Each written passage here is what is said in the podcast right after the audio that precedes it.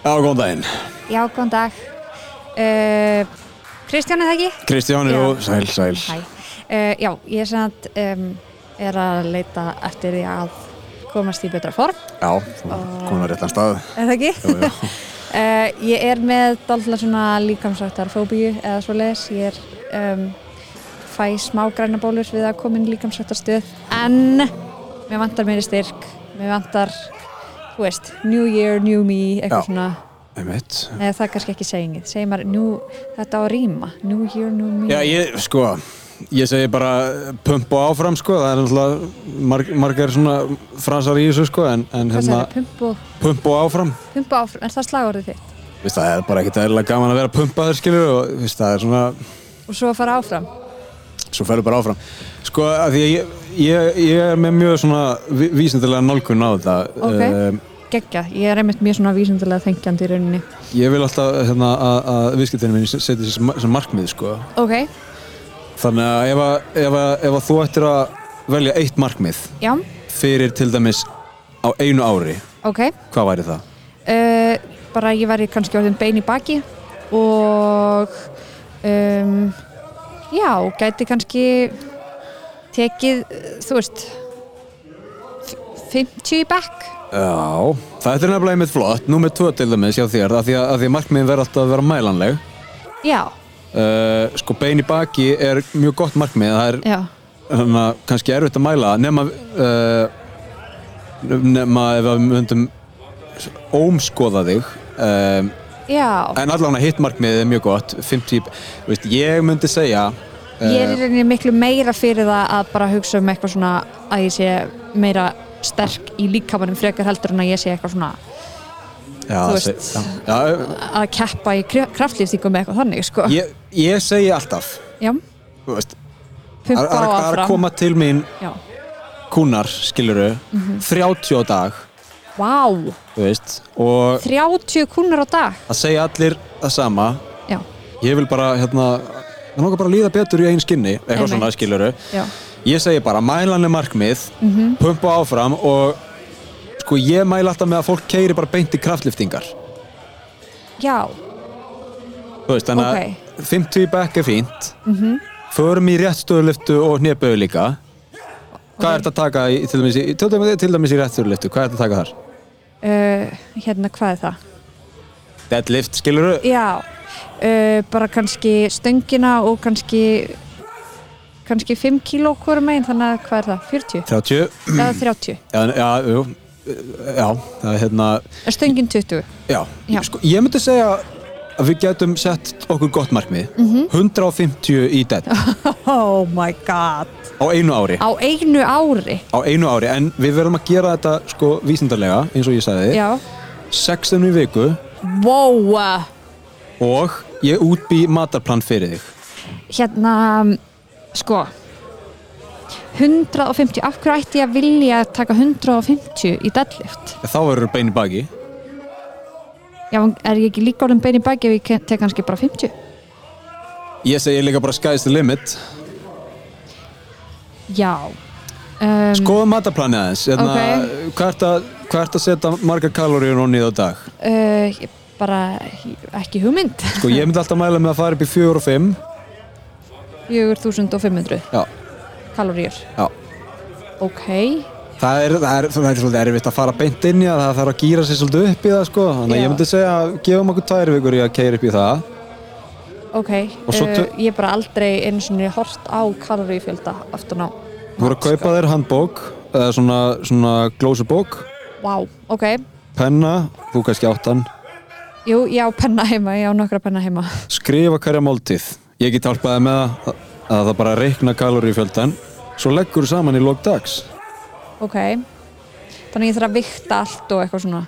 Því að Já, borða og tek Eða þú veist, er samt ekki fínt bara að borða Ég er sött, borða aftur, ég er sött nei, nei, nei, nei, nei, nei, nei, þú kaupið þér litla vóg, Lítla, ok, um, rafindavóg og hérna Vá. viktar bara allt skiljuru uh, það er ágætt að nota app með því skiljuru og setur bara þingdina inn í appið og það hérna pungar út skiljuru uh, kaloríufjölda. Já sko, mér, ég fæ smá tilfinningur eins og þú sért að fara, að gera með einhverju svona vakstarækta trölli ekki tröll sko en hérna en sátt eitthvað, eitthvað vakstarækta það er bara pumpa áfram og sky's the limit.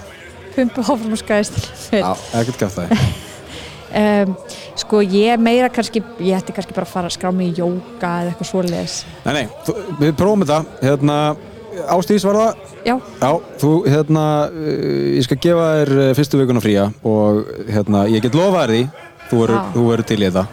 eftir, ok fyrsta vikan, þar sem ég er að fara að hitta þig sexinum í þessari viku og mataplan þú ert að gera það frýtt fyrir mig. Já. ok, ég get reyndar ekki sagt nefið því. Nákvæmlega. Það er pumpa áfram. pumpu áfram, skæðist til limit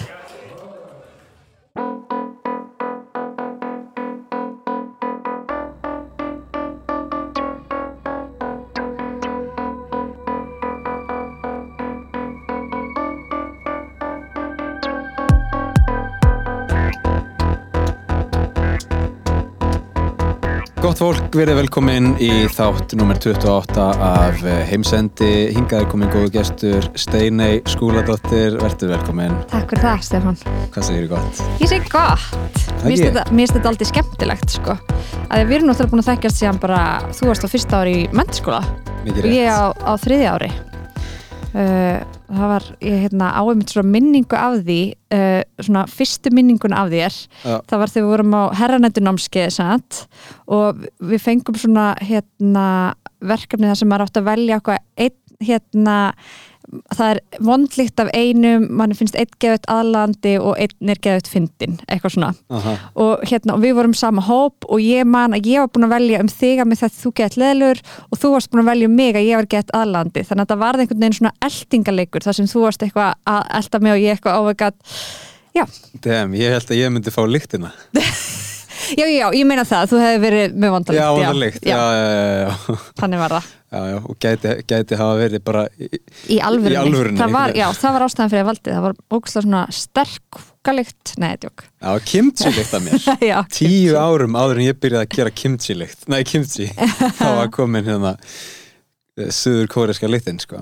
einmitt Það er náttúrulega já, gaman svo að því. fórstu sem skiptir mig Já, og þú líka. já, Ástralju, ég fór til Ástralíu og þú fórst til Japan Japan. Mhm. Var það eftir þriða árið? Nei, ég fór eftir fyrsta ári mitt þannig að ég var ára á eftir þegar ég hérna, Já, já, já. þannig að í rauninni hefði ég átt að vera á fjórða ári þegar þú varst á fyrsta ári en ég var á þriða ári All right, mate. Oh yeah Putting a shrimp on the barbie Það er svo fyndið sko þegar ég var þarna ég, uh, þetta, ég var mjög lélega í ennsku áður en ég fór út og þess vegna valdi ég Ástralíu Mhm. þegar mér langaði að læra ennsku og uh, svo kom ég heim og fólk eitthvað ok, talar þú þá núna með ástralskum hreim og ég er eitthvað sko Ástralíu þeir tala ekki með hreim. Nei, þeir tala bara svona venjulega ennsku svo eru hínum rosa sterkar hreim. Já. og svo þú veist liðið einhverju mánir og maður fór svona velnjast, þú veist að heyra íslenska ennsku og þú veist bandaríska og breska og þá fór ég að heyra ástralska ennsku og ég var bara guðminn góður. Er þetta er það rosalegur hreimur. En hún er rosa skemmtileg, eða hún er skemmtileg mjög reymur. skemmtileg, já. Og ástralir eru svo afslappaðir og svo ótrúlega vinalegir og miklu svona, já, miklu skemmtilegri heldur en bretarnir og bandaríkjamennir og svona Já, og kanadamennir líka sko. Það eru svo miklu meira bara svona að, höfum bara gaman, þetta þarf ekki að vera svona formlegt veist, það þarf ekki að vera small talk. Við erum bara hei, höfum bara gaman hérna. Já. Varst, var þetta Sydney eða? nei, ég var í það sem heitir Melbourne, eða rétt hjá Melbourne. Uh, fyrst var ég bæ sem heitir Rosebud. Rosebud. mm sem er eins og svindlið í Sims fyrir þá sem hafa að spila það. já, já, já. Uh, og svo skipti ég um fjölskyldu af því að uh, fyrir fjölskyldan hún var um, mjög skrítin Já. og þá var ég á uh, kúabíli Ok. í rétt hjá bæ sem heitir Lingatha Mhm. uh, sem að er, já, og þetta var bæðið svona tveimur tímum frá Melbourne þannig að ég fór eiginlega alltaf um helgar inn til Melbourne og var þá að hitta skiptinu með vinnu mína og eitthvað svona Var þetta mjölkurbíli eða, Mhm. já. Kúabíli, 300 kýr Já, og ég já, já. af því að og fólk eitthvað, af hverju varst ekki alltaf að mjólka meira og ég, er eitthvað, ég var bara fyrir, þau voru svo ógeðslega snögg og svo kom ég, þú veist, að gera þetta í fyrsta skipti þá var ég bara, já, Já, já, já. ég var bara tef, tefja þannig að það er afsökunin mín, af hverju ég var ekki að mjólka meira Já, já, það er nú gott að hafa að prófa. Mhm. Sko, ég er með hérna tvær svona spurningar til að staðsitja okkur í tíma. Já. Sko, ein er svona hálfsöruð kannski, það er hvar varstu fyrir tíu árum en þetta er kannski aðeins lengra. 2000 2012 2012? Já, minnur það? Já, já, já, ég meina það sko en Ástralía var aðeins fyrr. Já, það var 2017 Nei, 2007 2007 Ég meina það, 2007 Já, þegar allt fór í kleinu. Já, oh my god. Nei, Það er ekki 2012 þá var ég, þá bjóð ég í París. Já, Ég flutti samt til Parísar eftir mentaskóla um, þegar ég var að reyna að finna sjálfa mig. Mm flutti til Parísar að leita þar. Það var mjög gaman. Já, var að vinna sem au pair svona passa börn og svo að vinna á hérna, veitingastað og eitthvað svona. Ok. Hálft ár, eitt ár? eitt ár. Já, uh, ætlaði að vera lengur sko. Uh, átti stóra draumum að vinna í American Apparel fattabúðinni en svo fekk ég svona að það fjall eiginlega saman í mig lungað. Já, þetta er loftbrjóst. Og þá einhvern veginn, já, lent á spítala í viku. Ekkit eitthvað brjálega alvarlegt en meira bara, þú veist að þurfti, ég þurfti að vera undir eftirliti í viku. Mhm. og þá svona það var aldrei svona eins og ég var í svona hrist bara eitthvað, heyrðu nei, hvað ætlar það að gera í lífinu? Eða þú veist eitthvað svona. Einmitt. þannig að þá ákvaði ég að koma heim og ætlaði að fara í læknisfræði, komst ekki inn fór þá í efnafræði í háskólanum, Og efnaverkfræði, efnaverkfræði, já. Eins og ég. Fórst þú líka í efnaverkfræðina? Já, alveg rétt, mér finnst þess að þú hafa sagt mér þetta. Ég skipti samt sko. Já, Ég skipti eftir uh, uh, tvo, þrjá mánuði kannski. Þá fór Já. ég í yðnaðarverkfræði já, um eitt Það er svona eins og skipta úr MR í verslu. Já, Það er svona efnaverkfræðin er alvöru, hardcore. Já. uh, Yðnaðarverkfræðin er svona aðeins meira chill það kemur MR hrókin hérna stert í gegn, við vorum bæðið samt í MR Já, uh, Já, einmitt, nei, ég, ég er svona svipum tíma. Eftir 2-3 mánuði þá uh, var ég bara búin að gefast upp og ég mætti bara í skóluna því hans fólk er svo skemmtilegt. Uh, en þú veist, ég held ég hafi tekið tvö próf eða eitthvað, þú veist, ég var samt í fimm áfengum eða eitthvað, það var bara Það er svona stemming. Það er stemming að hafa prófað að vera í háskólanum. Já. Ok, um, byrju, fyrir fimm árum 2000, Það er 2017 2017 Það er 2017 einmitt. Eh, 2017 þá gerði ég hérna, þá kom sjónvastættir út sem heit, heita Framapot sem við Sara gerðum Sigurðsara uh, við gerðum leiksninguna um, RFK DTR The Show. Ég fór til Kína mm. fór til Macau og Hong Kong sem var alveg geggjað. Og ég held ég að við byrjaði að vinna sem guide hjá Into the Glacier. Ok, um, það er langjökull? Já. Já. Been there? Að vinna þar? Nei, Nei, ég var að vinna hjá Snæland Grímsson maður og ok.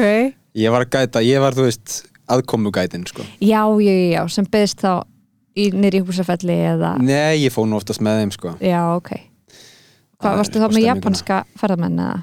Ég þarf aðalega Filipsengingar sem ég á með. Já, ok, ok. Indonesar, já, það var mikil stemming sko. Já, um, Ég var náttúrulega maður náttúrulega gæta, var, var að gæta í fimm ár.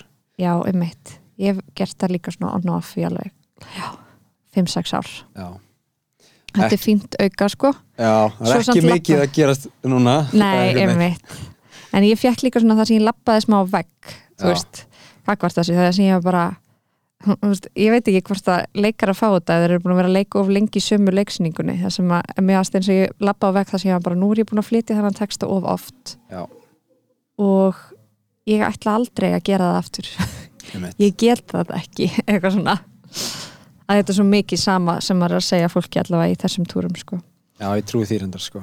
Ég var heppin með það að fá alltaf mismunandi túra sko. Já, já, já, Allt frá dag, dagsferðum upp í 10-11 daga. Já, einmitt. Já, það minnar Og mismunandi sko hópa. Já, Þú veist um, Sumir japanskir, aðrir kóriskir mhm. Svo voru margir eins og ég segi Philips, frá Philipsum og Indonésiu Allt mjög mismunandi fólk sko. Já, að það var gaman, hjælt manni, hélt manni svona góðum.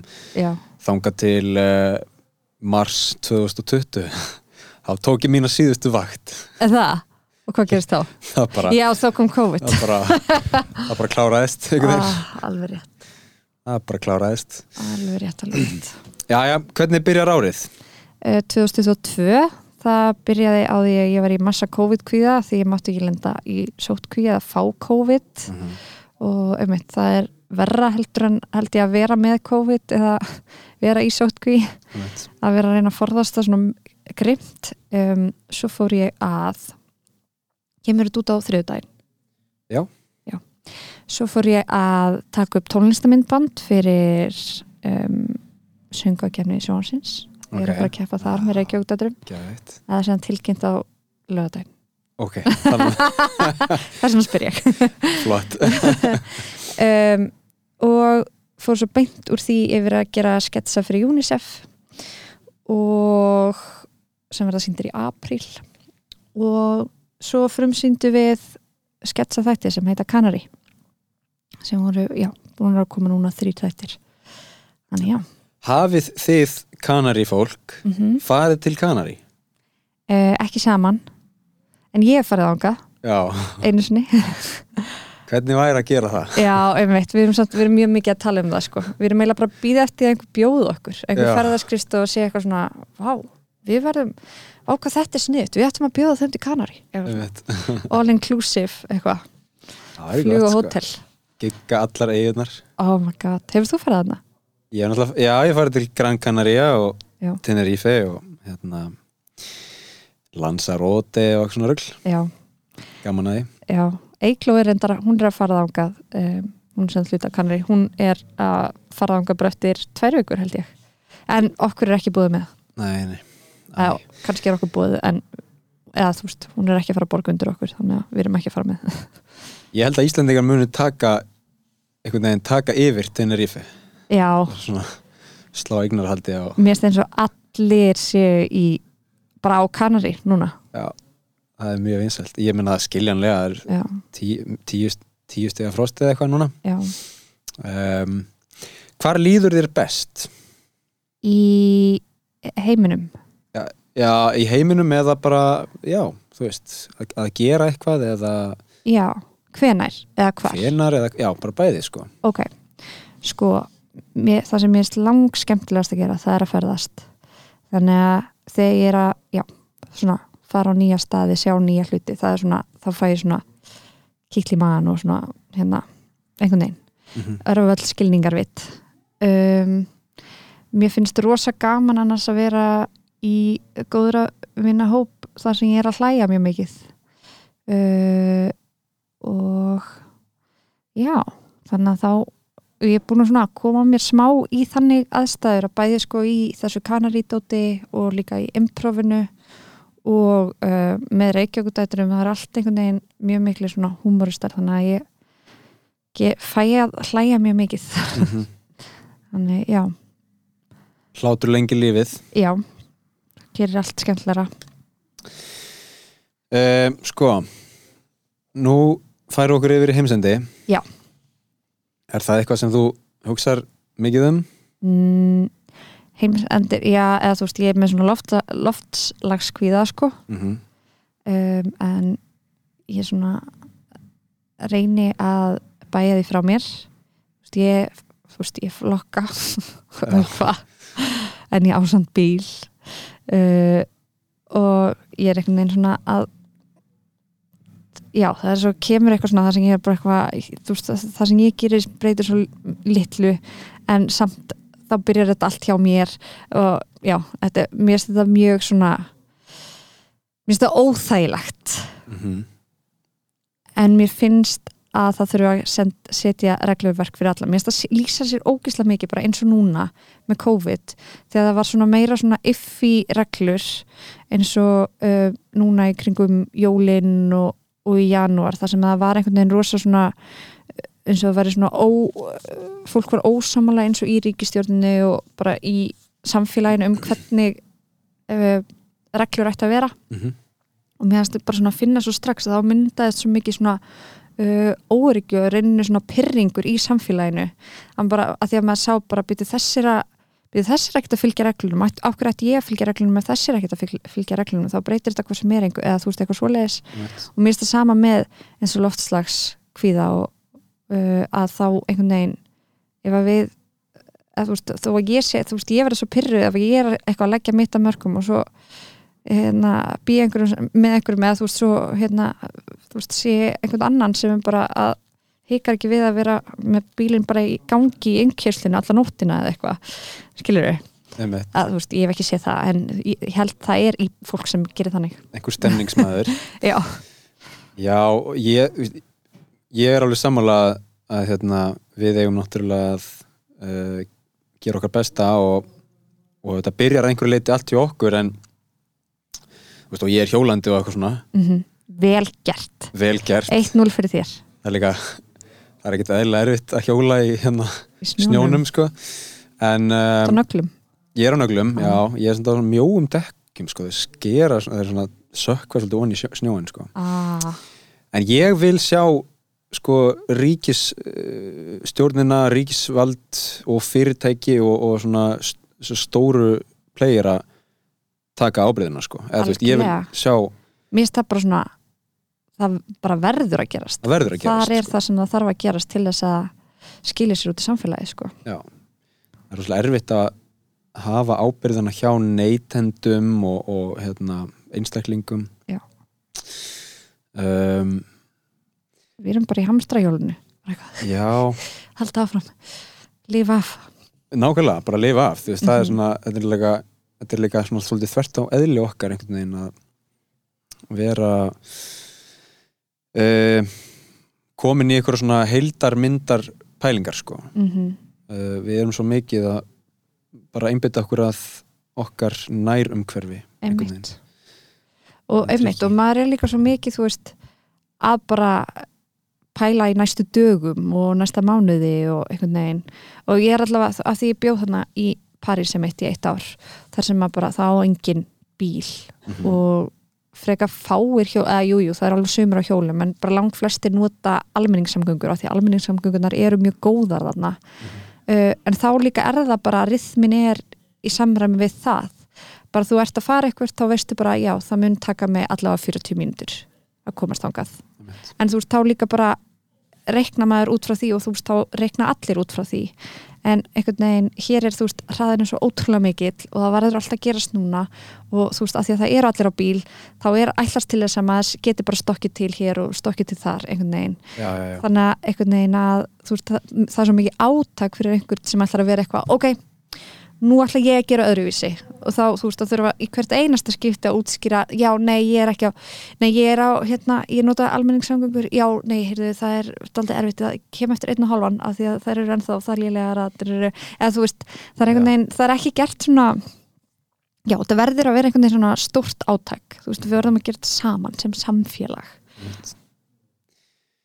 En svona öð, öðruvísi heimsendir um, já, vel sko eitthvað úr vísindaskáldskap Já, ég Eh. voða lítið ég tengi voða lítið við vísindaskaldskap sko. Já, ég er alveg bara hvaða myndir Já. hefur þú séð og hugsað á hvað þetta er skrítið sem við svona vísindaskaldskapur eða eitthvað svona na, fannst maður ekkert skemmtileg Já uh, þetta er allavega, þetta er ekki eitthvað svona myndir sem að ég sækist í sko. Nei, þú veist eins og ef ég sé lýsinguna eitthvað svona í heimi þar sem að bla bla bla bla bla og bla bla bla bla bla er hægt þá er þetta, þá er ég bara já já.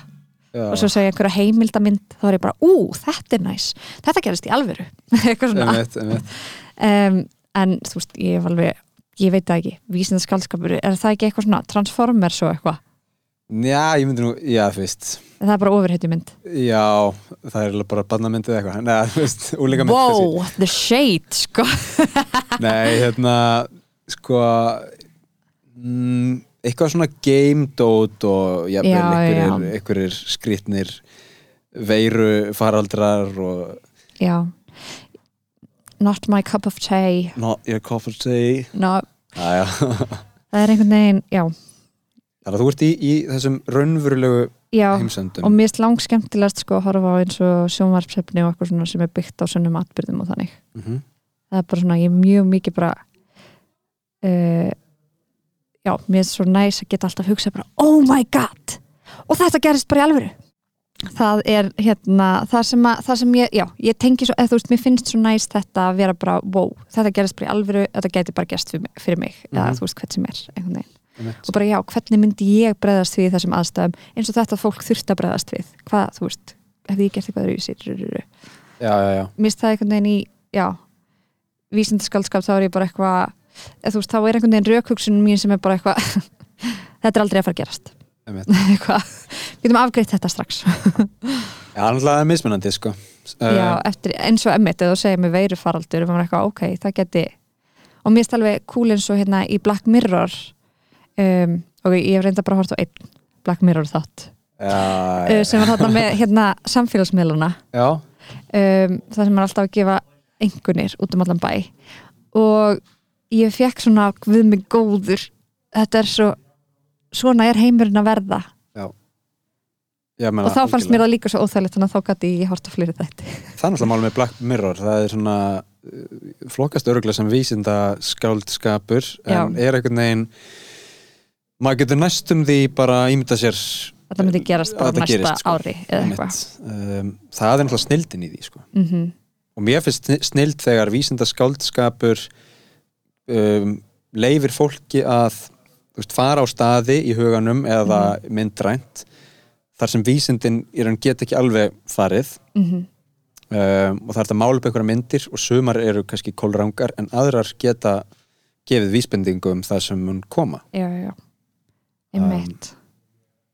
Myndir þú segja að lofstar væri vísindaskaldskapur Já, er það ekki? já, E, Þú veist, eða einhvers konar myndlíking sko, en mm ég það var allavega mjög spot on Já, algjörlega. Ég var að lesa hérna Veröld góð og ný Góð og ný, ný og góð Veröld ný og góð, segi ég. Brave New World. Þú verður að segja eitthvað nafn, er eitthvað, hm. Veröld góð og ný Kínuesk bók hérna, á frimálu, ég las það á frimálinu Já, hún er held ég skrifuð 1930 og eitthvað Mhm. fyrir, þú veist, tæpum 100 árum Já. hún er með svona framtíðarsýn og margt hefur einmitt sem er magnað sko fólk í byrjun 20. aldar Þannig að kannski ætti ég vera meira grúski í vísindaskaldskap af því að þetta gefur vísbendingu um það sem koma skal. mögulega, þú veist Mhm. kannski sneiða hjá Transformers og hérna skoða eitthvað annað Og Star Wars. Sko, við ætlum að tala hérna saman í dag um tvent, um, það er annars vegar líkamsrækt og hins vegar geðsjúkdómar. Já. Ef við byrjum á líkamsrækt Mm Ég var að byrja ræktinu, sko. Já, Fyrir nokkrum vikum. ok Hvað? Er þú ræktar gaur eða? Ég er svolítið ræktargaur, sko Hefur alltaf verið eða? Já, eiginlega bara síðan ég mann eftir mér, þú veist mm Svona eitthvað utan uh, skipulags íþróttastarfs Mm byrjaði ég bara 16 ára held ég Já. Svona rækt, fara í ræktina og Mm hlaupa og eitthvað svona dót sko. Emmitt. Sko, ég er búin að eiga alltaf erfitt samband við ræktina. uh, ég æfði skíði þegar ég var lítil það er gaman, þá líka er maður bara eitthvað þú ert upp á fjalli og þú þarft að komast niður Já. og til þess að komast niður þá myndi þurfa að nota líkamsagt eða þú veist, þú myndi þurfa að reyna á líkamann til þess að gera það mm um, en þú veist að mæti ræktina og þú þarft að kveikja á hlaupabretti og þú þarft að stilla lóðin og allt það og það er bara undir mér komið að gera þetta og þá var ég bara why? Why would I do this to myself? um, en hérna en svo gerði ég það að því að ég lendi sko í uh, ég lendi í tveimur bílslýsum Ok. og það svona fokkaði smá í ákslunum mínum og smá í hérna mjókbækinu þannig að núna veit ég ég þarf að gera það, ég þarf að kveikja hlaupabrettinu, ég þarf að stilla lóðin, bla bla bla Mhm. af því að bara til þess að ég eigi fungurandi líkama lengur einhvern Mhm. veginn, bara styrkja mig. Einmitt. en já, mér finnst uh, já, mér finnst þetta ég er allavega ég er ekki komin sko á þann stað sem tala, sumir tala um það sem er bara hlakka til að fara í ræktina. Nei, nei, nei, og þú veist, eru bara býða eftir eitthvað svona endorfín dótinu, þú veist svona runners high eða þú veist, eitthvað svona að fara út að hlaupa bara, ó, ég elska að hlaupa í, þú veist 10 kilometra og eitthvað, ég er bara hmm, af hverju sko Sko, sumir segja besta líkamsræktin sé líkamsræktin sem þú nennir að stunda mm ég held að það sé mikið til í því um, þú veist, ég, eins og ég segi, ég er búin að vera í þessu mjög lengi -hmm. og get alveg farið einn í ræktina þú veist, mér finnst það ekkert mál Mhm. ég er enda að teka aðeins uh, kannski stittir æfingu, ég er kannski klukktíma eða eitthvað Mhm. um, en eins og í COVID þú Mhm. veist og það er náttúrulega kannski ekki hægt að segja lengur í COVID af því að þá væri allt einhvern veginn í COVID en kannski svona fyrsta árið Mhm. þegar maður var bara heim í stofu svolítið þá var erfitt að keira einhverja líkansrætt í gang sko. já, já, já en þá, þá reyndar fann ég nokkra svona YouTube um, spekulanta sem eru með svona fría tíma Já. í alls konar um, en ég menna þú veist ok, þú þarf þá kannski að gera einhverjar æfingar styrtar æfingar og svona Mhm. en ef þú væri bara í einhverju sem þú vildir gera Mhm. hvernig rækt væri það bara skýði já, og já, mist gaman jú, kannski eins og fimmleikum og eitthvað uh -huh. mm, stundum dans samt ekki að því ég átt alltaf erfitt með að muna sporin. Það er svo mikið í haustnum sko. Mm uh, en ég fór í geggjað þegar ég var bjóð í LA sem að heitir Dance Church. Og þá vist það þess að fara í kirkju já, á sunnundarsmónum þá ferðu í danskirkju. Og þá virkar það þannig að bara fullta fólki saman.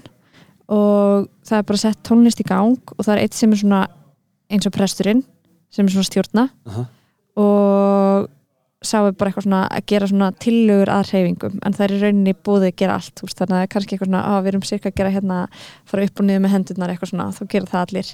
Uh, og svo svona stjórna bara ó allir hreyfa sig, allir skiptum stað og þá er maður að, dansa bara stanslist í klukkutíma. Og enda líka alltaf á það að það er gert eitthvað svona smá eins og svona einhver sérimóni þar sem allir haldast í hendur og eitthvað að hoppa saman og eitthvað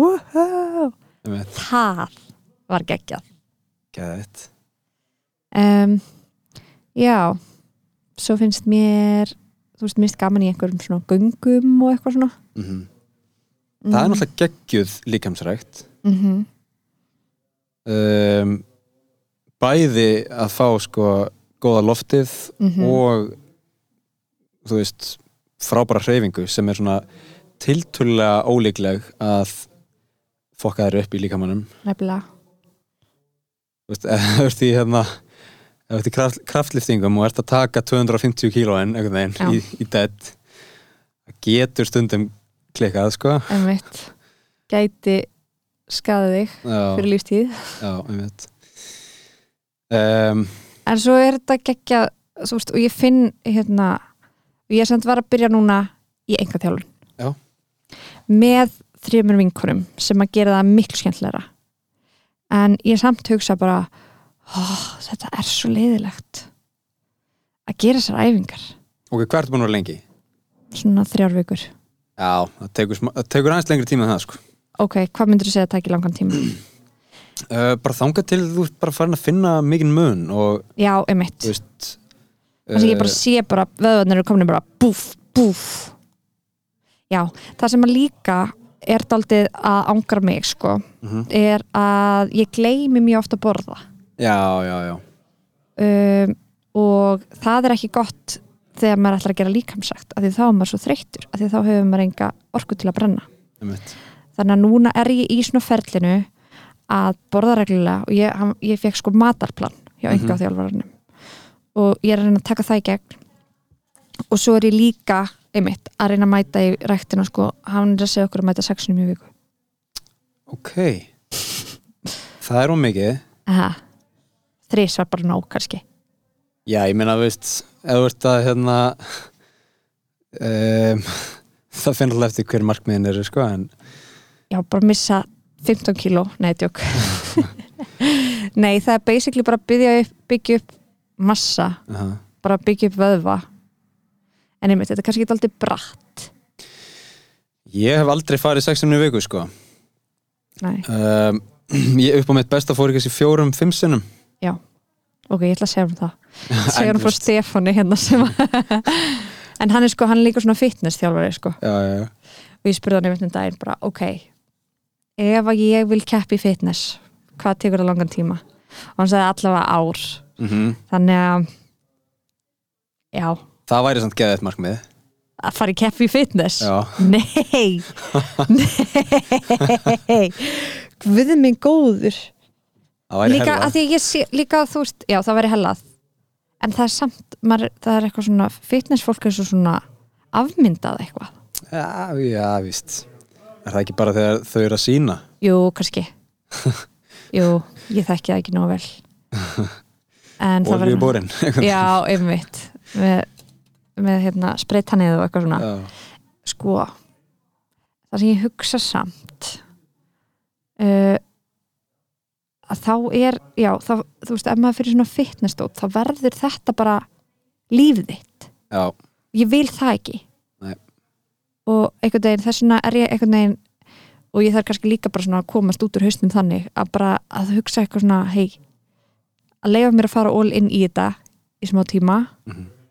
að að, en það er alltaf einhvern svona stoppur í mér það sem ég er eitthvað en maður má nú ekki, maður verður að passa sig að þetta ekki út í hérna, það sem að þetta er lífið einhvern veginn, skilur hvað við? Það er líka máli með þetta sko, að besta líkamsrættin sé það sem hún nennir að gera. Já.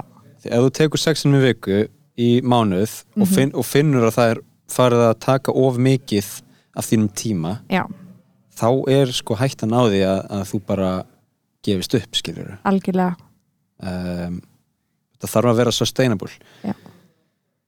og þú veist líka bara stundum að leifa sér að vera bara eitthvað bara shit, ég nenni ekki ræktin í dag sko. ég ætla bara að fara að labba ég ætla bara, veist ég ætla bara hérna fara bara í körfu eða skilur bara Já, að gera já. eitthvað fara Einmitt. bara, Já, það væri náttúrulega gaman einmitt að fara í keppni ég er, ég er aldrei keppnismanneskja sko mm þannig að mér er gaman eins og þú veist í skotbolta já, og brennó Já. og eitthvað svoleið sko uh, snú snú Já.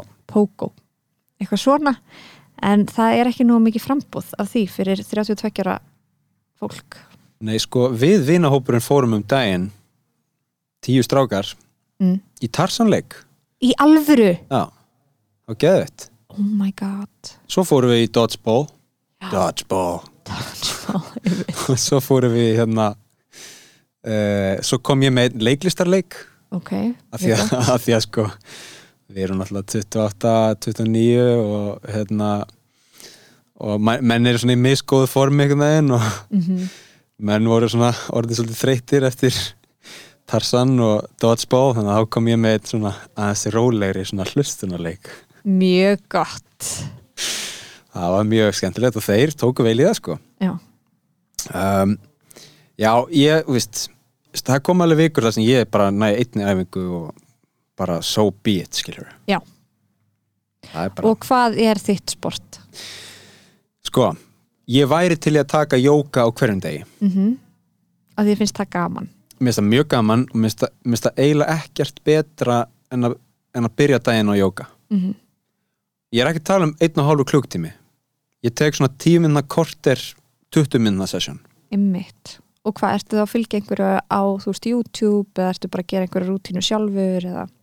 YouTube-kennari minn heitir Jessica Ritzberg Alright. hún er meistari og það er alls konar hérna í bóði allt frá 10 myndum upp í 50 mínútur held ég, eða klukktími Mm um, og þú veist þetta er líka á mótnan þá er maður svona styrður og svona bara svona einhvern veginn ekki komin, í, já, ekki komin í gang sko. Mhm. þá finnst mér gott að taka 10 myndna morning yoga og hérna fyrir fyrsta kaffibólan sko. Einmitt. Ertu, ertu hérna símafíkil ég er orðin nokkuð góður sko, af, Eh, af því að vera það ekki? að vera það ekki sko. Já, hvernig Ég- fórst að því? Uh, sko, ég, nota, ég er ekki á Twitter og ég er ekki á TikTok og ég er ekki á Bíril um, en ég er á Instagram og Facebook þannig tók Instagram og Facebook uppin, Úr símanum? nei ég faldi þau eða þú veist, ég setti þau í sama grúp Já. í iPhone símanum og hérna þannig að ég þarf að fara fyrst inn í hópin og svo íta á þau ef ég ætla að opna Mm. Ok, þú ert að sína mér. og svo á viku fresti þá færi ég hópin þú veist, af því að þetta er allt komið í vöðvaminnið, skilur við Já, þannig að þú bara, bara unlockar beint já, en með því að færa hópin þá þarf þetta að færa búa til nýja hreyfingu í einmitt og það er mér að nefnir hvað er þetta aftur? nákvæmlega sko. Þannig að ég hérna, fæ alltaf svona umhugsunarfrest. Býtu er ég en af hverju er ég að fara á Instagram? Já, þarf ég virkilega að fara á Instagram hérna? Einmitt, einmitt. Svarið er oftast nei og Já. þá er man bara eitthvað stundum sko horfi ég á síman af því ég er búin að búa til hindranir fyrir mig. Já, og þá er ég bara hvað er ég, að- veist, svo að gera opna ég. BBC og fer að lesa eitthvað frétt Já, svo er það náttúrulega líka mjög áverðanbindandi já, já, að reysa frétt, að því ég man að ég tók einhvern tíma svona skorpu á Instagram þannig að ég var bara nú ætlum ég að hætta að, nú ætlum ég að mjúta bara þetta fólk sem að gefa mér allt svona kvíða að ég er eitthvað, á ég er ekki að gera nóg. Og ég ætla bara að followa bara svona fréttasíður. Einmitt bara BBC og Guardian og hérna uh, CNN og eitthvað svona. Uh, svo er eru þau náttúrulega að gera mjög kvíðvaldandi fréttir Mhm. af því að það fær mestu kliks hjá þeim. Einmitt. þannig að það fjallum sjálft sig. Þannig að nú er ég sko í aðtæki að ég má ekki skrolla já, og ég má heldur ekki um, skoða fréttasíður. Ok. Ég meina, já, gott núna en náttúrulega mikil ólga í Úkrænu já þannig ég ætti kannski að vera að fylgjast með því. Nei, hefst nei, nei, ég held að koma okkur ekkert við svo sem um, Svo ég geti mætt. í dag allavega sko, Nei, Eh. bring back að horfa á sko, kvöldfréttir. Já, eða bara lesa dagblaða á mótnana, ekki kannski, þú veist maður er náttúrulega ekkert hlind, hlindur því að hérna fella tréð í pappír sko en, mm en uh, þú veist, eitthvað svona sitja út á svölum Já, í morgun sólinni með eitt kaffibólla búin að taka tíu myndna jóka með eitthvað pjesa í hendinni. Já. Það er sko, Vá. það er draumur.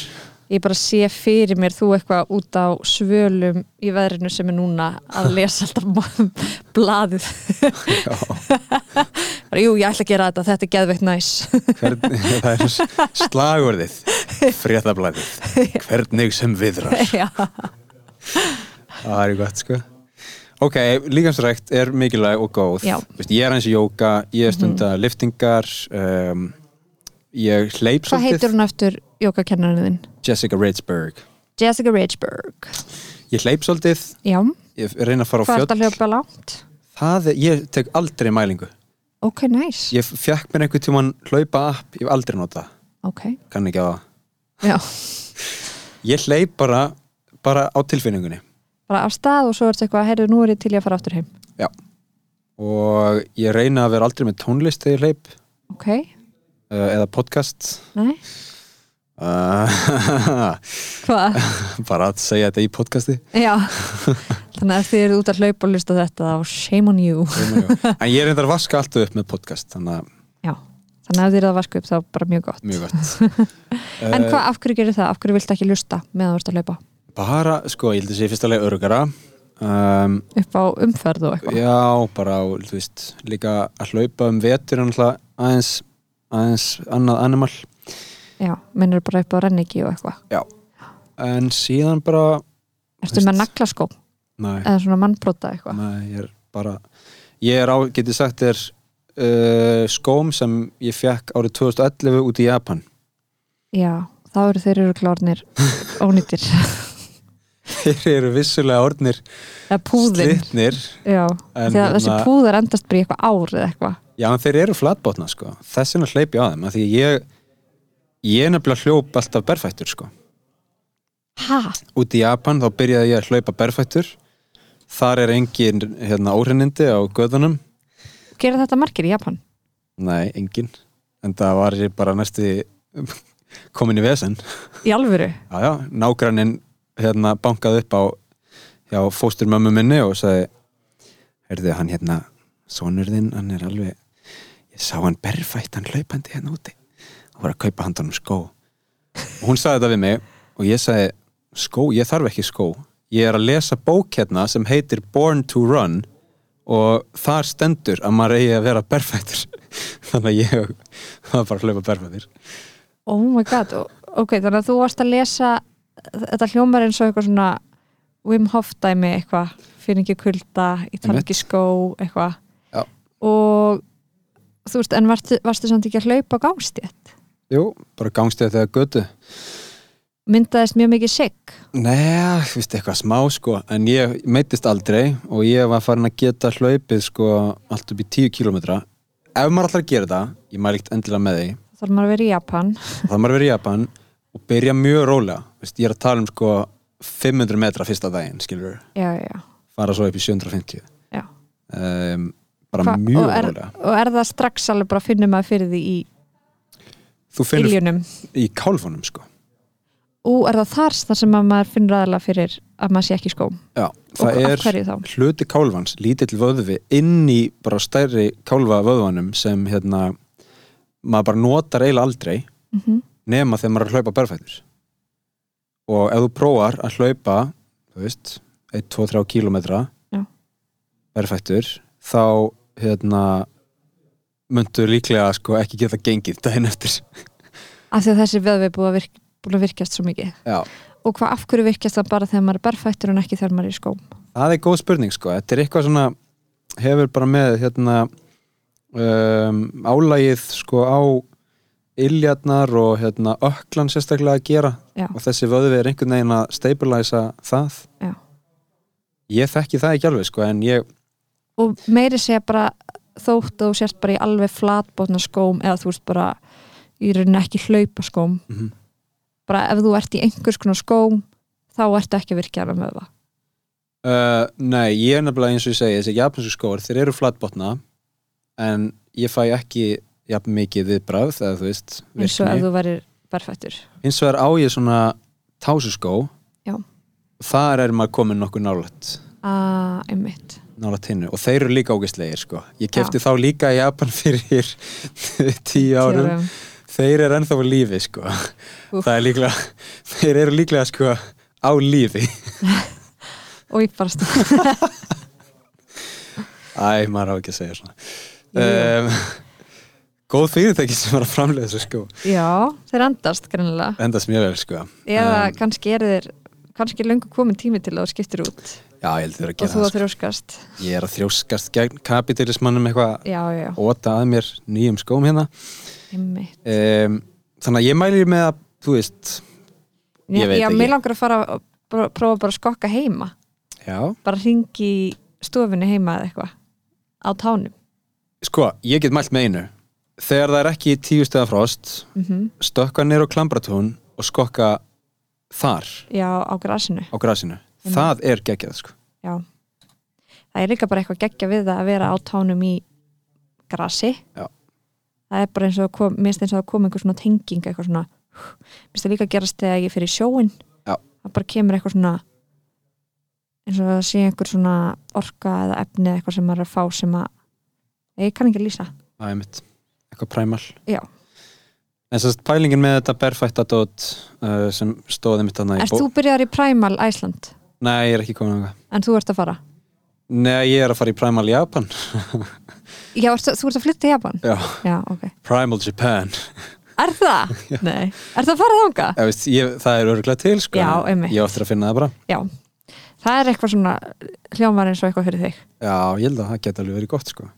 Þannig að þú ert að fara að byrja að skokka aftur á tánum. úti. örgulega sko, af því að hérna, ég reyndi þetta eitthvað á Íslandi en það var erfitt Mhm. mikil drull oft og hérna, vesen sko, en, en pælingin semst með þetta er að ef maður er að hlaupa í sko, veist og ég er engin sérfræðingur hérna en, en ef maður er að hlaupa í einhverjum svona Nike Air hlaupa á sko loftpúðum Já. og þá hérna finnur maður ekki fyrir því ef maður er að beita sér vittlaust sem getur leitt til Já, langvarandi meðsla. En ef maður er berfættur þá finnur maður fyrir því ef maður er eitthvað skakkur sko. Mhm. þannig að það er svona pælingin en þetta hendur náttúrulega ekki öllum og fólk þarf að skoða þetta bara. Í róliðhættunum uh, sko ef við förum aðeins yfir í geðsúkdómana og kannski reynum að brúa bilið hver er tengingin hérna yfir í geðsúkdóma uh, ég gerði sko sjónstætti sem heita heilabrót, þar sem við tókum fyrir geðsjúkdóma Mhm. og þá var bara mjög mikið talað um þetta, hvað Mhm. reyfing er mikilvægur þáttur faktor í því til þess að líða betur og bara eins og við töluðum um þú veist endorfín og eitthvað, þetta er náttúrulega allt bara einhver svona efnafræði í líkamannum, hormón og, og svo leiðis þannig að um, það hjálpar að reyfa sig og það er uh, einmitt, gefur þess að auka spýtingu sem kannski kerfið þarf Mhm. uh, en svo er það mismikið hjá fólki stundum er það ekki nú einmitt. þannig að það er ótrúlega auðvelt fyrir sumt fólk að segja bara, veistu, þegar mér líður illa þá fer ég bara út að hlaupa, líður miklu betur einmitt. fyrir einhverja aðra manneski eitthvað já, nei, það er ekki nóg eða bara ég kemst ekki einu sinni fram úr rúminu þannig að hvernig ætti ég einu sinni að fara í einmitt. fara út að hlaupa þannig að, já. Það, þú veist, það er og einmitt, ég held að vilja allir reyfa sig. Mhm. en svo er bara spurning um uh, hva, hver svona andli geta er og eitthvað. Já, já, já. Um, hefur einhver tímann lendi að, að vera á, þú veist, á djúfum stað þar sem þú bara eitthvað svona getur ekki hreyft þig? Uh, ég veit það ekki persónulega. Máli, málið er sko að ég fór svo eh, snemma að hérna uh, nýta mér þetta verkfæri sem einmitt um, svona útrás já, einhvers konar útrás eða þú veist líka bara svona bara svona my happy place sko. Um, ég lærði svo snemma að nota hreyfingu til að hjálpa mér, þú veist, fyrir mig skilur einmitt. Þannig að hérna, ég held að svona í flestum tilfellum þá hefði ég alltaf reynt að ný, nýta það. Og svo er náttúrulega hef ég bara verið heppin 7.13 og allt það sko en bara verið heppin hérna svona með geðhelsu sko. Mm um, en þú veist eins og þeim þegar ég var í Japan og var málaus skiluru að því ég kunni ekki neitt í tungumálinu og skildi ekki neitt og enginn talaði ensku. Hvað, hvað varstu lengi að pikka upp á japanskunni uh, ég var átta mánuði að verða svona samræðahæfur sko. Ok, ég var tvo mánuði að geta byrja bara að sest, segja bara eitthvað. Já, já, þannig að fyrstu tvo mánuði þá var maður rosalega þreyttur og hérna oft komið svona pyrringur og bæði þú veist uh, inn á við og út á við sko. Mm þá fór ég þetta að skokka mjög mikið sko. Já, einmitt. Þá fór maður að hlaupa og hérna og þú veist það bara það bara gerði mikið fyrir mann á þeim tíma sko. Einmitt. Já, hvað gerði ég? Já, ég náttúrulega var í Ástralíu það sem er töluð anska þannig ég gætt skilið strax eitthvað. Aha. frá fyrsta degi þó ég hef ekki verið rosalega góð. Uh, ég reyndi nú samt alveg að skokka og eitthvað. Mm það var bara einhvern veginn ég held líka bara að ég sé svona daldil bara félagsverða einhvern veginn já, já. það þarf að vera daldil eitthvað svona sem að gerir svona já er meira heldur en bara að brína vöðvana einhvern veginn Já. Þetta er, þetta er bara mismunandi þetta er fólki sko mm um, að því ég tengi alveg við það þú veist sem að aðri vinni mínir gera ekki sem að ég bara, ég get raðað heima hjá mér endalust eða ég fer til eins og ég var hjá vinkvörnum um daginn og þá var ég bara að raða í hillirnar hennar og eitthvað svona. Mm og hún bara á geggjað. Ég nenni þessu aldrei til að leðilegast sem ég geri. Þannig að, ef ég veit ekki. Þú veist, þar get ég dottið inn í og bara drrrrrrr, en þú veist, það að vera úti að hlaupa og ég hlaup sko einu svona hálft marathon og hérna, og ég bara ég hef ekki gert það síðan. Þú veist, ég bara, ég gerði það fyrir hérna, var hérna andlit Reykjavíkumarathonsins, þannig að þá skrifaði undir samningum að ég þyrfti að hlaupa hálft marathon og gerði það undirbjómi og allt svoleiðis en það var alveg bara veist, þetta, þetta er ekki mitt sport sko. Veist, þetta er ekki eitthvað, þú veist, þótt að ég hafi farið í að hlaupa svona langt ég, náði, ég komst aldrei á staðin þar sem ég hérna, þar sem ég fór að hlakka til að hlaupa eða eitthvað svoleiðis Öðruvísi forsendur. Já, vissulega, ég þurfti að gera það. Já, algjörlega. Mitt en ég hugsa líka bara að því að svo ætlaði ég halda áfram, halda mér í þú veist þessu hlaupa formi viku setna eftir ég hafði hlaupið. Og ég bara eitthvað hlaup 1 kilometr og svo fekk ég bara svona ég nenni þessu ekki lengur. Nei, og ég labbaði heim. Komið gott. En að raða, hvað, hérna hvenar, hvenar finnst þið gott að gera það?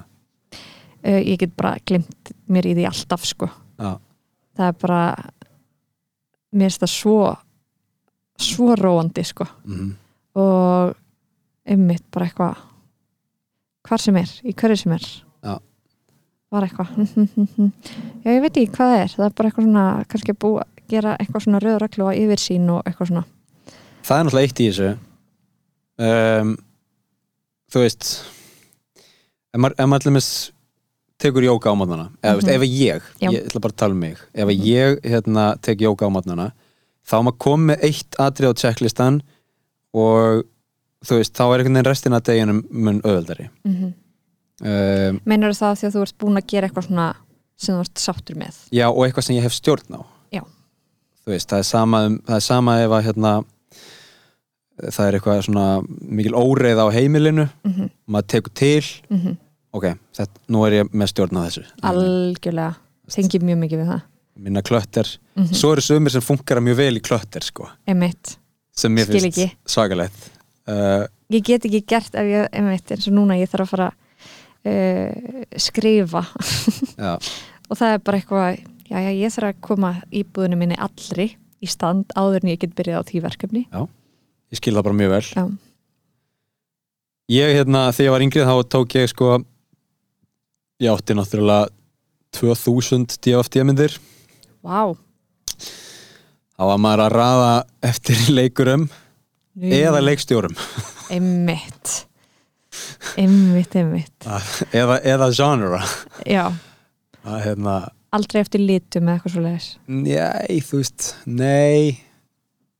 Kannski eitthvað svona, jú, eitthvað svona dark og ekki dark, sko, mm líka eftir mood, sko. Já, en það er nú líka dálítið næs við það að þá vantarlega ertu frekar góður í svona hérna svona trivia um bíómyndir. Ég er mjög góður í því, sko. Mjög góður í hérna nöfnum og leikurum og svona. Og leiksturum og leikstjórum. En núna, kannski setni tíð þá er svona um, my happy place er sko að vera í geimslu já, og vera að raða já, svo mikið útivistadóti sko.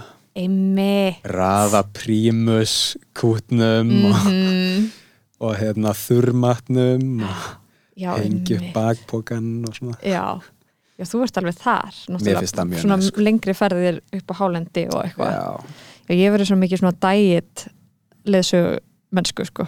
Þannig að bara eins og the glacier þess að það var bara í rútu svo tilbaka. Já, já, já. þú veist, ég fekk samt alveg þú veist, það sapnaðist alveg svona smá þú veist, útvistagræður sem er geðvikt næs að eiga. Mm líka af því þetta fer ekki, þetta er ekki eitthvað sem dettur úr tísku, þú veist, þetta er alveg bara svona maður á þetta ógeðslega lengi, Mhm. einhvern veginn.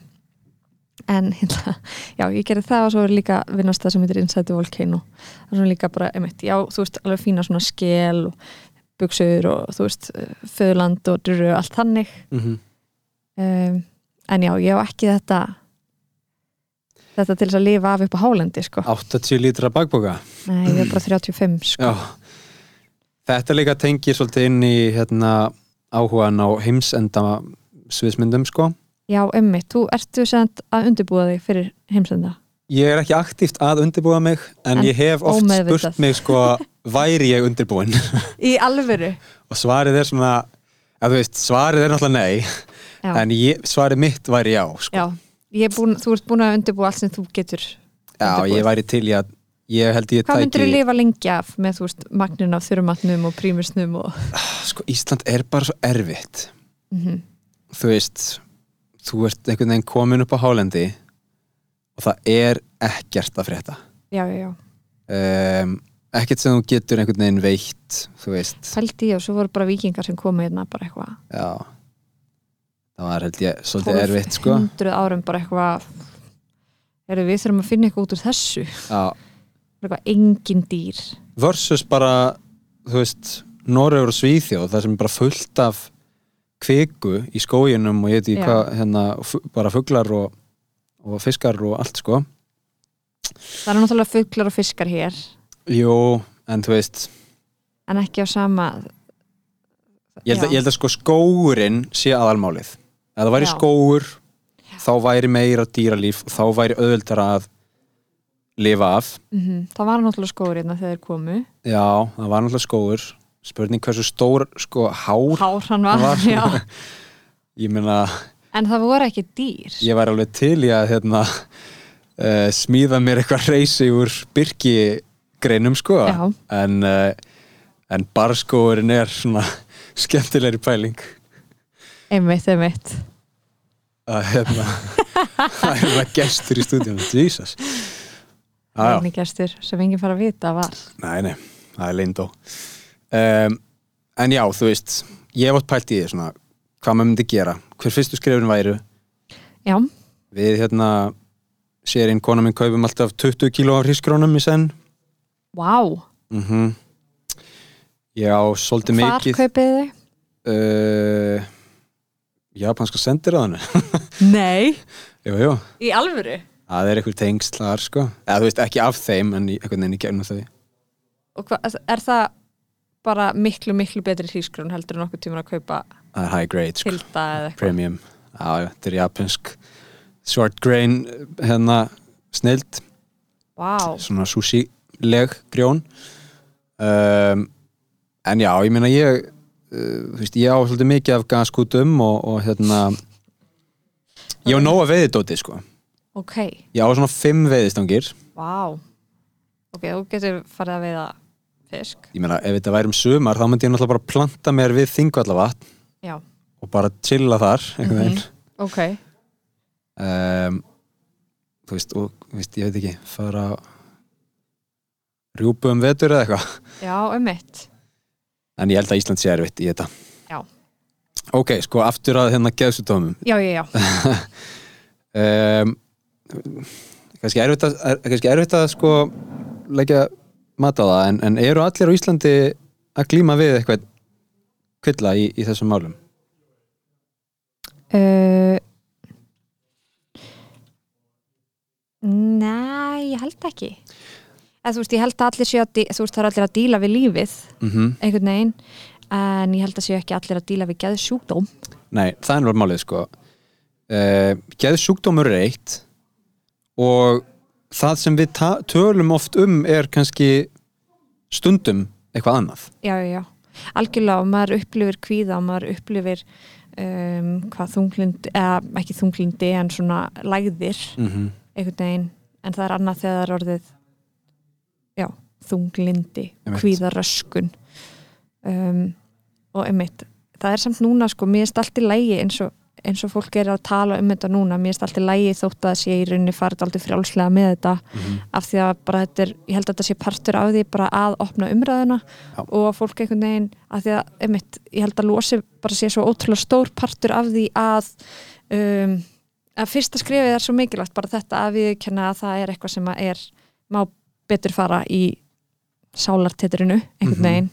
Þannig að þó að sé að segja bara eitthvað, já, þú veist þessi svo kvíðin ég er svo kvíðin, þetta er kvíði, kvíði, kvíði eða hvað sem það er þá held ég að það sé einhvern veginn það sé allt í lægi að það sé raungreining frekar heldur en að þakka það niður einhvern veginn með einhverju svona nei þú veist ekki hvað kvíðaröskun er og dýrýri, eitthvað svona. Ég meina, er það ekki það væri einmitt í öfu átt sko af því að, veist, einhverju leiti var þetta tabú. Mm og vitundavakningin sem hefur átt sér stað hefur verið að færa þetta inn í almenna umræðu og -hmm. burt frá því að vera eitthvað tabú. Mm þannig að það væri svolítið sko erfitt að fara að banna fólki að -hmm. tala svona eða hins einn Mhm. algjörlega. En þetta er náttúrulega alveg rétt sko að það er einhver greinamunur líka það vill enginn vera með kvíða Nei. enginn vera að díla við eitthvað að ég held ekki. Nema þegar maður er eitthvað eða þú veist, að því að ef það er eitthvað þú veist, tómarum hjá þér eða eitthvað svoleiðist þá eða þú veist, nú er ég bara fabulera mm um, þá þá það að byrja að finna þú veist, þá er svo mikið haldreipi í því að, reyna, að fá einhver orð og finna þetta að já, ég er ekki ein einhvern veginn eða einn eða eitt um, en einmitt, eða þú veist, þegar mann líður fínt þá einhvern veginn þá, eh, þú veist, er maður ekkert að slengja þessu fram, held ég. Nei, nei. Þetta er svona ég held að þetta sé náttúrulega mjög mikið um, mjög framanlega í umræðinu á Íslandi mm -hmm. með við önnur lönd. Ég held að það sé ekkit endilega af því að það sé meira um þetta hérna þú veist þó hefur hef maður heyrt eitthvað slíkt sko en Já, náttúrulega frekar Þetta er kjör aðstæður fyrir fyrir þunglindi til dæmis með Já. sólina eða skort Einmitt. af sól og kuldinn og svona það er náttúrulega eitt sko mm um, svo Finnur hafa- mikil, mikil mun á Íslendingum og Japanum hvað þetta varðar ég er Svo náttúrulega mest sjálfsmorð í Japan, eða ekki? Það var Japan og. Suðukorea En það er svo ekki mikil gott sko náttúrulega, það er svo mikil pressa að fylgja regluverkinu Það er náttúrulega málið að þar er að einhverju leiti mun einsleitara samfélag og mun erfiðar að vera öðruvísi mm -hmm. um, það, er kannski, það er kannski meiri kröfur sem samfélagi gerir til þín sem einstaklings Mhm. og ef þú getur ekki mætt þeim þá hérna þá kannski eru færri valkostir eða þú veist, það er erfiðara fyrir þig En ef þú getur mætt þeim uh, færði það þá markvælt tilbaka þar að segja að þú getur að þú fungerir í japansku samfélagi Já. Já, ég meina ef þú ert eitthvað svona ef þú ert eitthvað svona, svona miðgildi í, Mhm. í japansku samfélagi þá held ég að sér bara ágætis málum sko en Mhm. þú veist en þá ertu líka mjög einsleitur eða skilur Já, já, mjög basic um, Nei, ég held að það sé alveg mikið af svona ég held að fólk sé alveg að díla við alls konar stöff þar líka sko já. en það er bara öðruvísi ég held að, ég held að sé eitt til dæmis í, í, í Tókjó mm sem er 38 miljón manna borg -hmm. sem er mjög mikill einmannalegi Já. Sem er náttúrulega að klikkaðast það sem hægt er einhvern veginn Mhm. og þó ei þú getur verið einmanna í, í svona markminni Mhm. um, en það einhvern veginn verða allir bara um, þú veist svona án sjálfs svolítið svona einkenna lausir og hvað þá núna þegar allir eru með grímur skilur Einmitt. um, og mann, man, þú veist maður missir svona sjónar á því hvar maður á heima og hver maður er og það er líka svona mm, meiri einstaklingshyggja á Íslandi sko. Já. fólk er miklu meira pæli hvað langar mig að gera þegar ég er stór? Já. ég geti gert hvað sem er Og er meira pælt þarna úti hvað getum við gert eða? Mm, ég held að sé bara meira eitthvað svona, eitthvað svona realísku ljósi bara hvað get ég actually gert? Já, já, já, veist já, hér er það alltaf bara the sky is the limit. Já, einmitt sko. Það er svolítið mikill munur. Já. um, En En í þessu hérna Ég bjó með stelpur frá Japan þegar ég bjóð í LA Já, uh, en hún var mjög óvenjuleg voru í Japani af því að hún fylgdi ekki þessu regluverki sko. Einmitt. Um, og bjó bara í einhverju pentásýbúð í miðborg Tókjó af því að pappinar hefði verið svona uh, fjár, hérna verðbrifa braskari mm uh, hefði hérna eignast rosa mikla peninga en síðan tapaði hann líka rosa miklum peningum um hann hérna var eitthvað veikur.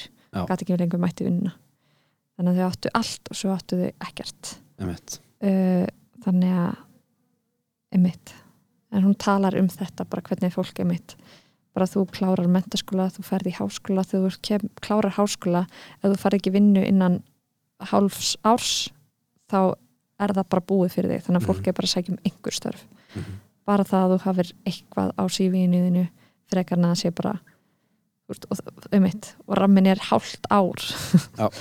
þannig að hérna já Það er rosalegt. Það meikar engan sens nei, Það meikar sko engan sens Auðvitað ætti ungt fólk í Japan að taka eitt ár, ferðast, læra tungumál mm þú veist, gera eitthvað. Eða bara auðvitað tekur það meira en hálft ár að finna starf sem þú hefur áhuga á einhvern veginn. Og fá starf sem líka tengist því sem þú varst að læra í háskólanum en ekki bara eitthvað starf. Já, en svo reyndar er, þú veist maður har heyrt allan með sögum fyrirtæki að hérna, skiptir engum máli hvort þú lærið, læriði viðskiptafræði eða, rönsku. uh, þú veist, já bara hvað sem er, uh, sagfræði þegar þú kemur inn í fyrirtæki þá byrjar bara námið, sko. Já, um þú ert bara mentaður í Mitsubishi. Já. Um uh, gæðastjórnun Mitsubishi. Ég meina það er hérna og, og þess vegna er einhvern veginn finnst mann oft þegar maður spyr sko ung, ungt fólk í Japan já já hvað ert að læra já ég er bara að, bara að læra eitthvað maður. Ég er bara að læra eitthvað maður. Þú veist, það er einhvern veginn um mitt, svo bara kemur í ljós hvað þau fá vinnu. Já, og þá kemur í ljós hvað þau munu fá að vinna við eða, já þú veist, þú sækir um eitthvað. Og ef þú náttúrulega ert, ef þú ert úr góðum, góðum skóla með góðar Mhm. einhvernir sækir um, þú veist, þá getur þú svona valið meira. Mm en eins og þú segir, sumir sækja bara um eitthvað -hmm, vonast eftir, eftir einhverju. Mm og svo ef það gerist ekki um, þá einhvern veginn ertu svolítið skilin eftir. -hmm, heldist úr lestinni og, og hérna það er svo mikil, það er sko, það er svo mikil hérna, mikil heiður mhm, í menningunni og í þjóðarsálinni að það er oft sárara fyrir fólk að bara viðurkenna ósigur innan geðsalappa mhm, heldur en að bara fela það. Um mitt þá, þá kemur sko koma kynnslóðir af fólki eða öllu heldur hópar af fólki sem bara er bara í felum sko. Um mitt, býr bara einhvern veginn heima hjá sér og fer ekkert út úr húsi og Vá, svo, svo eru foreldrarnir bara að viðhalda einhverju lígi já, hann er erlendi sko, hann er að vinna hérna í London sko, um mitt hann er bara inn í herbyggi og einmitt, og svo er það náttúrulega bara komið í einhverja ringa við þessu mm -hmm. bara, já bara spíralur onni eitthvað shit, það er rosalegt. Já, þannig að þú veist ég held að þetta, það eru allir að díla við eitthvað maður, það er bara en hvernig er eins og fyrir þig að komin í Japans samfélag sem einhver sem að ert ekki að fylgja þeirra struktúr? Um, það er bara hvað segir maður sko? Það er nokkuð hérna nokkuð hliðholt mér einhvern veginn, það er svona ákveðin með, meðbyr sko. Af hverju það? ég sko maður þarf að vera mjög opinn. Mm -hmm. Til dæmis í Tókjó, ég hef ekki búið þar áður en ég er að fara að búa í Tókjó ég ímynda mér að ég þurfa alveg að alveg að sækja í félagslíf. Ég þarf að sækja í eitthvað svona hópastarf og veist, mögulega það Primal Japan eða whatever. Uh, ég á mjög auðvelt með að bara labba inn á okkur stöð og bara, já já, góðan daginn ég ætla að skrá mig. Já, já, Þú veist, eitthvað sem er bara þú veist, ég get verið talin bara skrítin fyrir það í Japan. Bara, wow, hvað er að þessum maður? En færð kannski smá frípassa því þú ert útlendingur. Fæ náttúrulega frípassa því útlendingur og svo bara, eins og ég segi, svo er bara hendar þetta mér, mér vel af því að hérna uh, þá eru einhvern veginn allir möguleikarnir í mínum höndum. þú veist, versus það að vera fastur í þessu kerfi og, og eiga erfitt með að þú veist, brjóta eitthvað ís og brjótast út úr munstrinu mm þá ertu að einskorða þig við miklu þrengra svið sko. Sem er náttúrulega kannski hérna stærsta vandamálið í Japan sko. Uh, hvernig þau einhvern veginn brjóta sér leið út úr þessu minstri já, og þetta á við um alla réttindabaróttu líka og, og hérna jafnrétti kynjana og allt það sko. Um, er eitthvað sem Ísland getur lært af Japan? Já, ég meina við get, eða, sko, ég veit ekki hvort þessi lengur svarið því við erum náttúrulega búin að vera nokkuð góð í COVID allavega kannski svona út árið 2021 uh, ég hefði sagt sko að við getum lært að, að hérna, hugsa betur um hvort annað mm -hmm.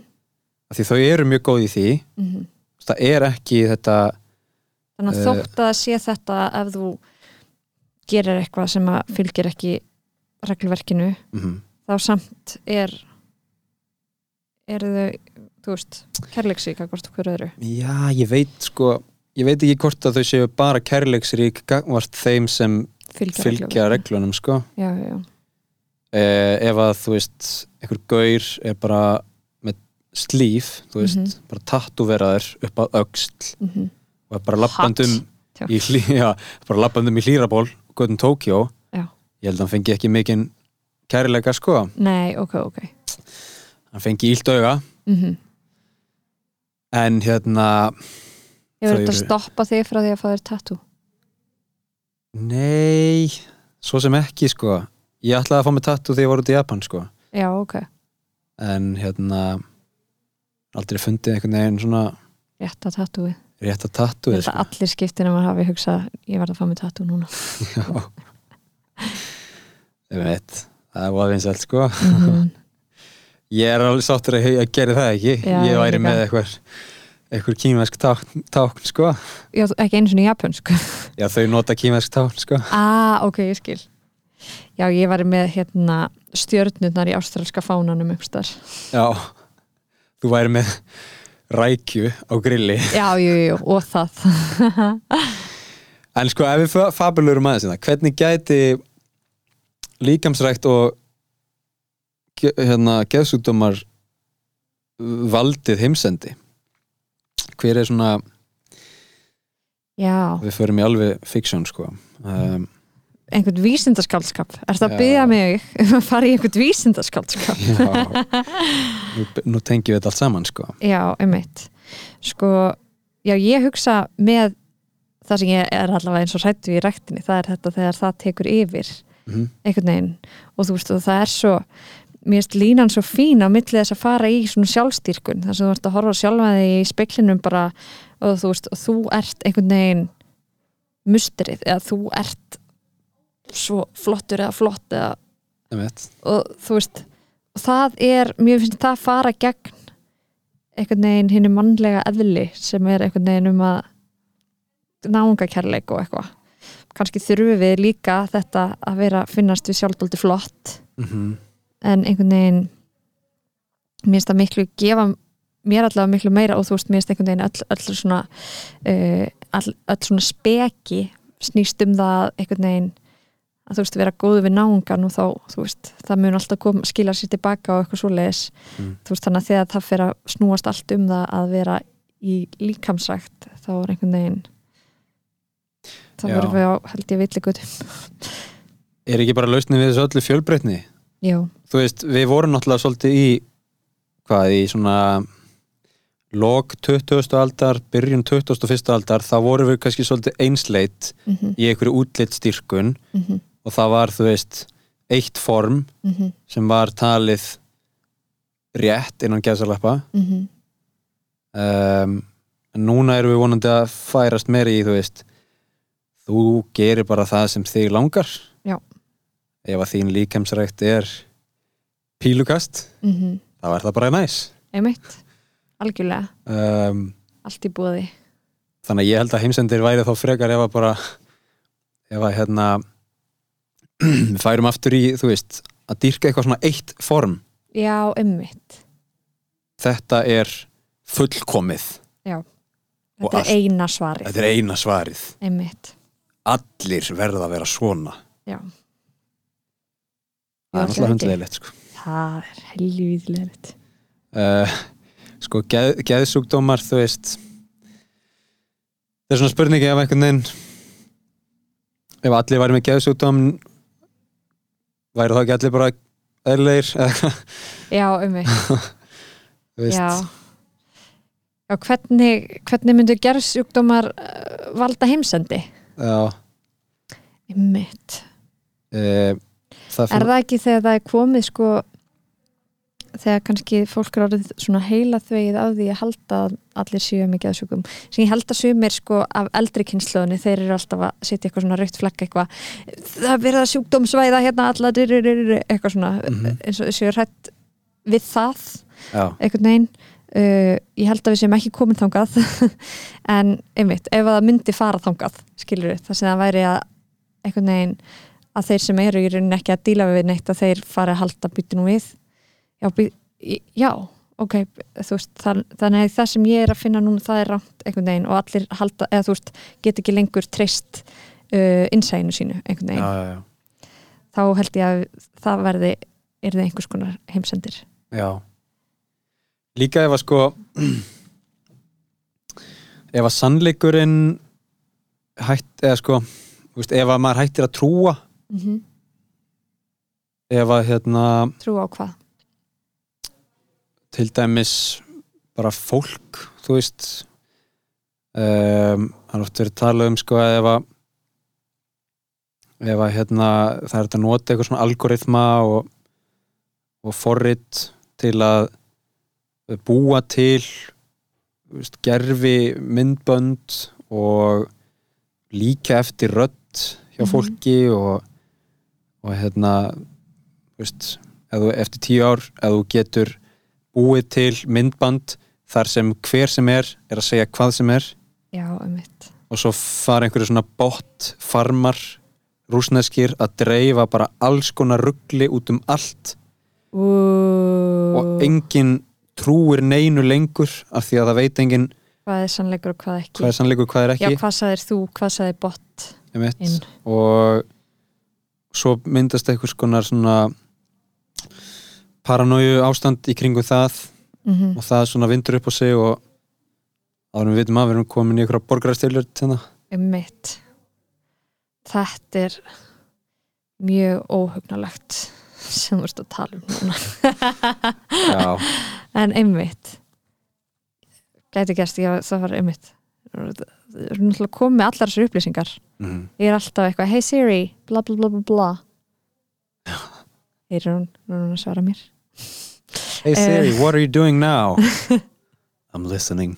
Listening, I'm always listening. Uh, þannig að einmitt, þau eru komið röddina mína.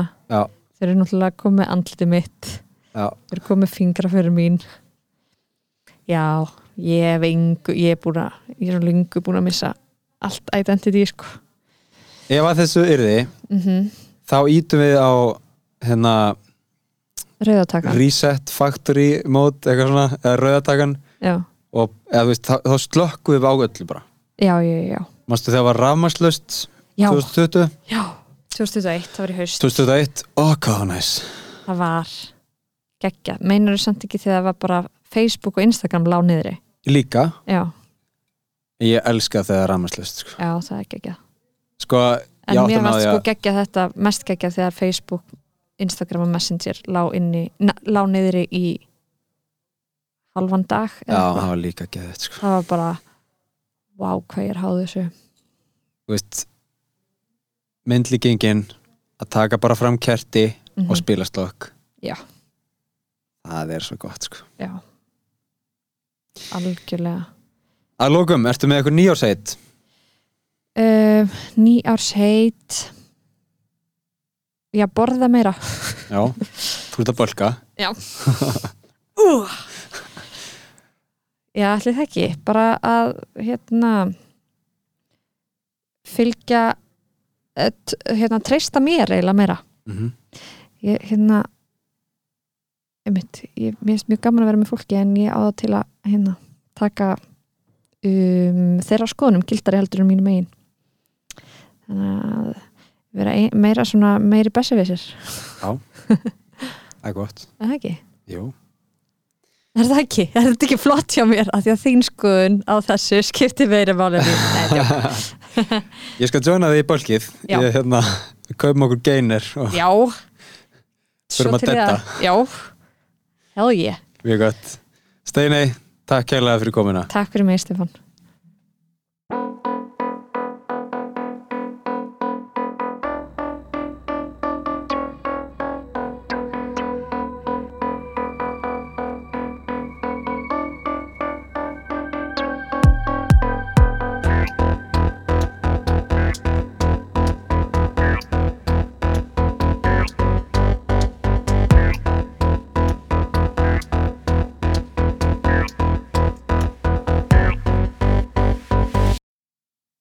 fólk, takk fyrir að hlusta Mér langar að byggja um einn greiða í dag bara einn Eh, Það er sem sagt að kíkja inn á Apple Podcasts og skilja eftir eh, review og gefa þættinum og þáttunum yngun. Það er mjög gott fyrir eh, algoritmana og gerfugrindina og allt það sem við elskum. Það er eini greiðin sem ég byggði í minn dag. Takk fyrir að hlusta og við heyrumst í næsta þætti.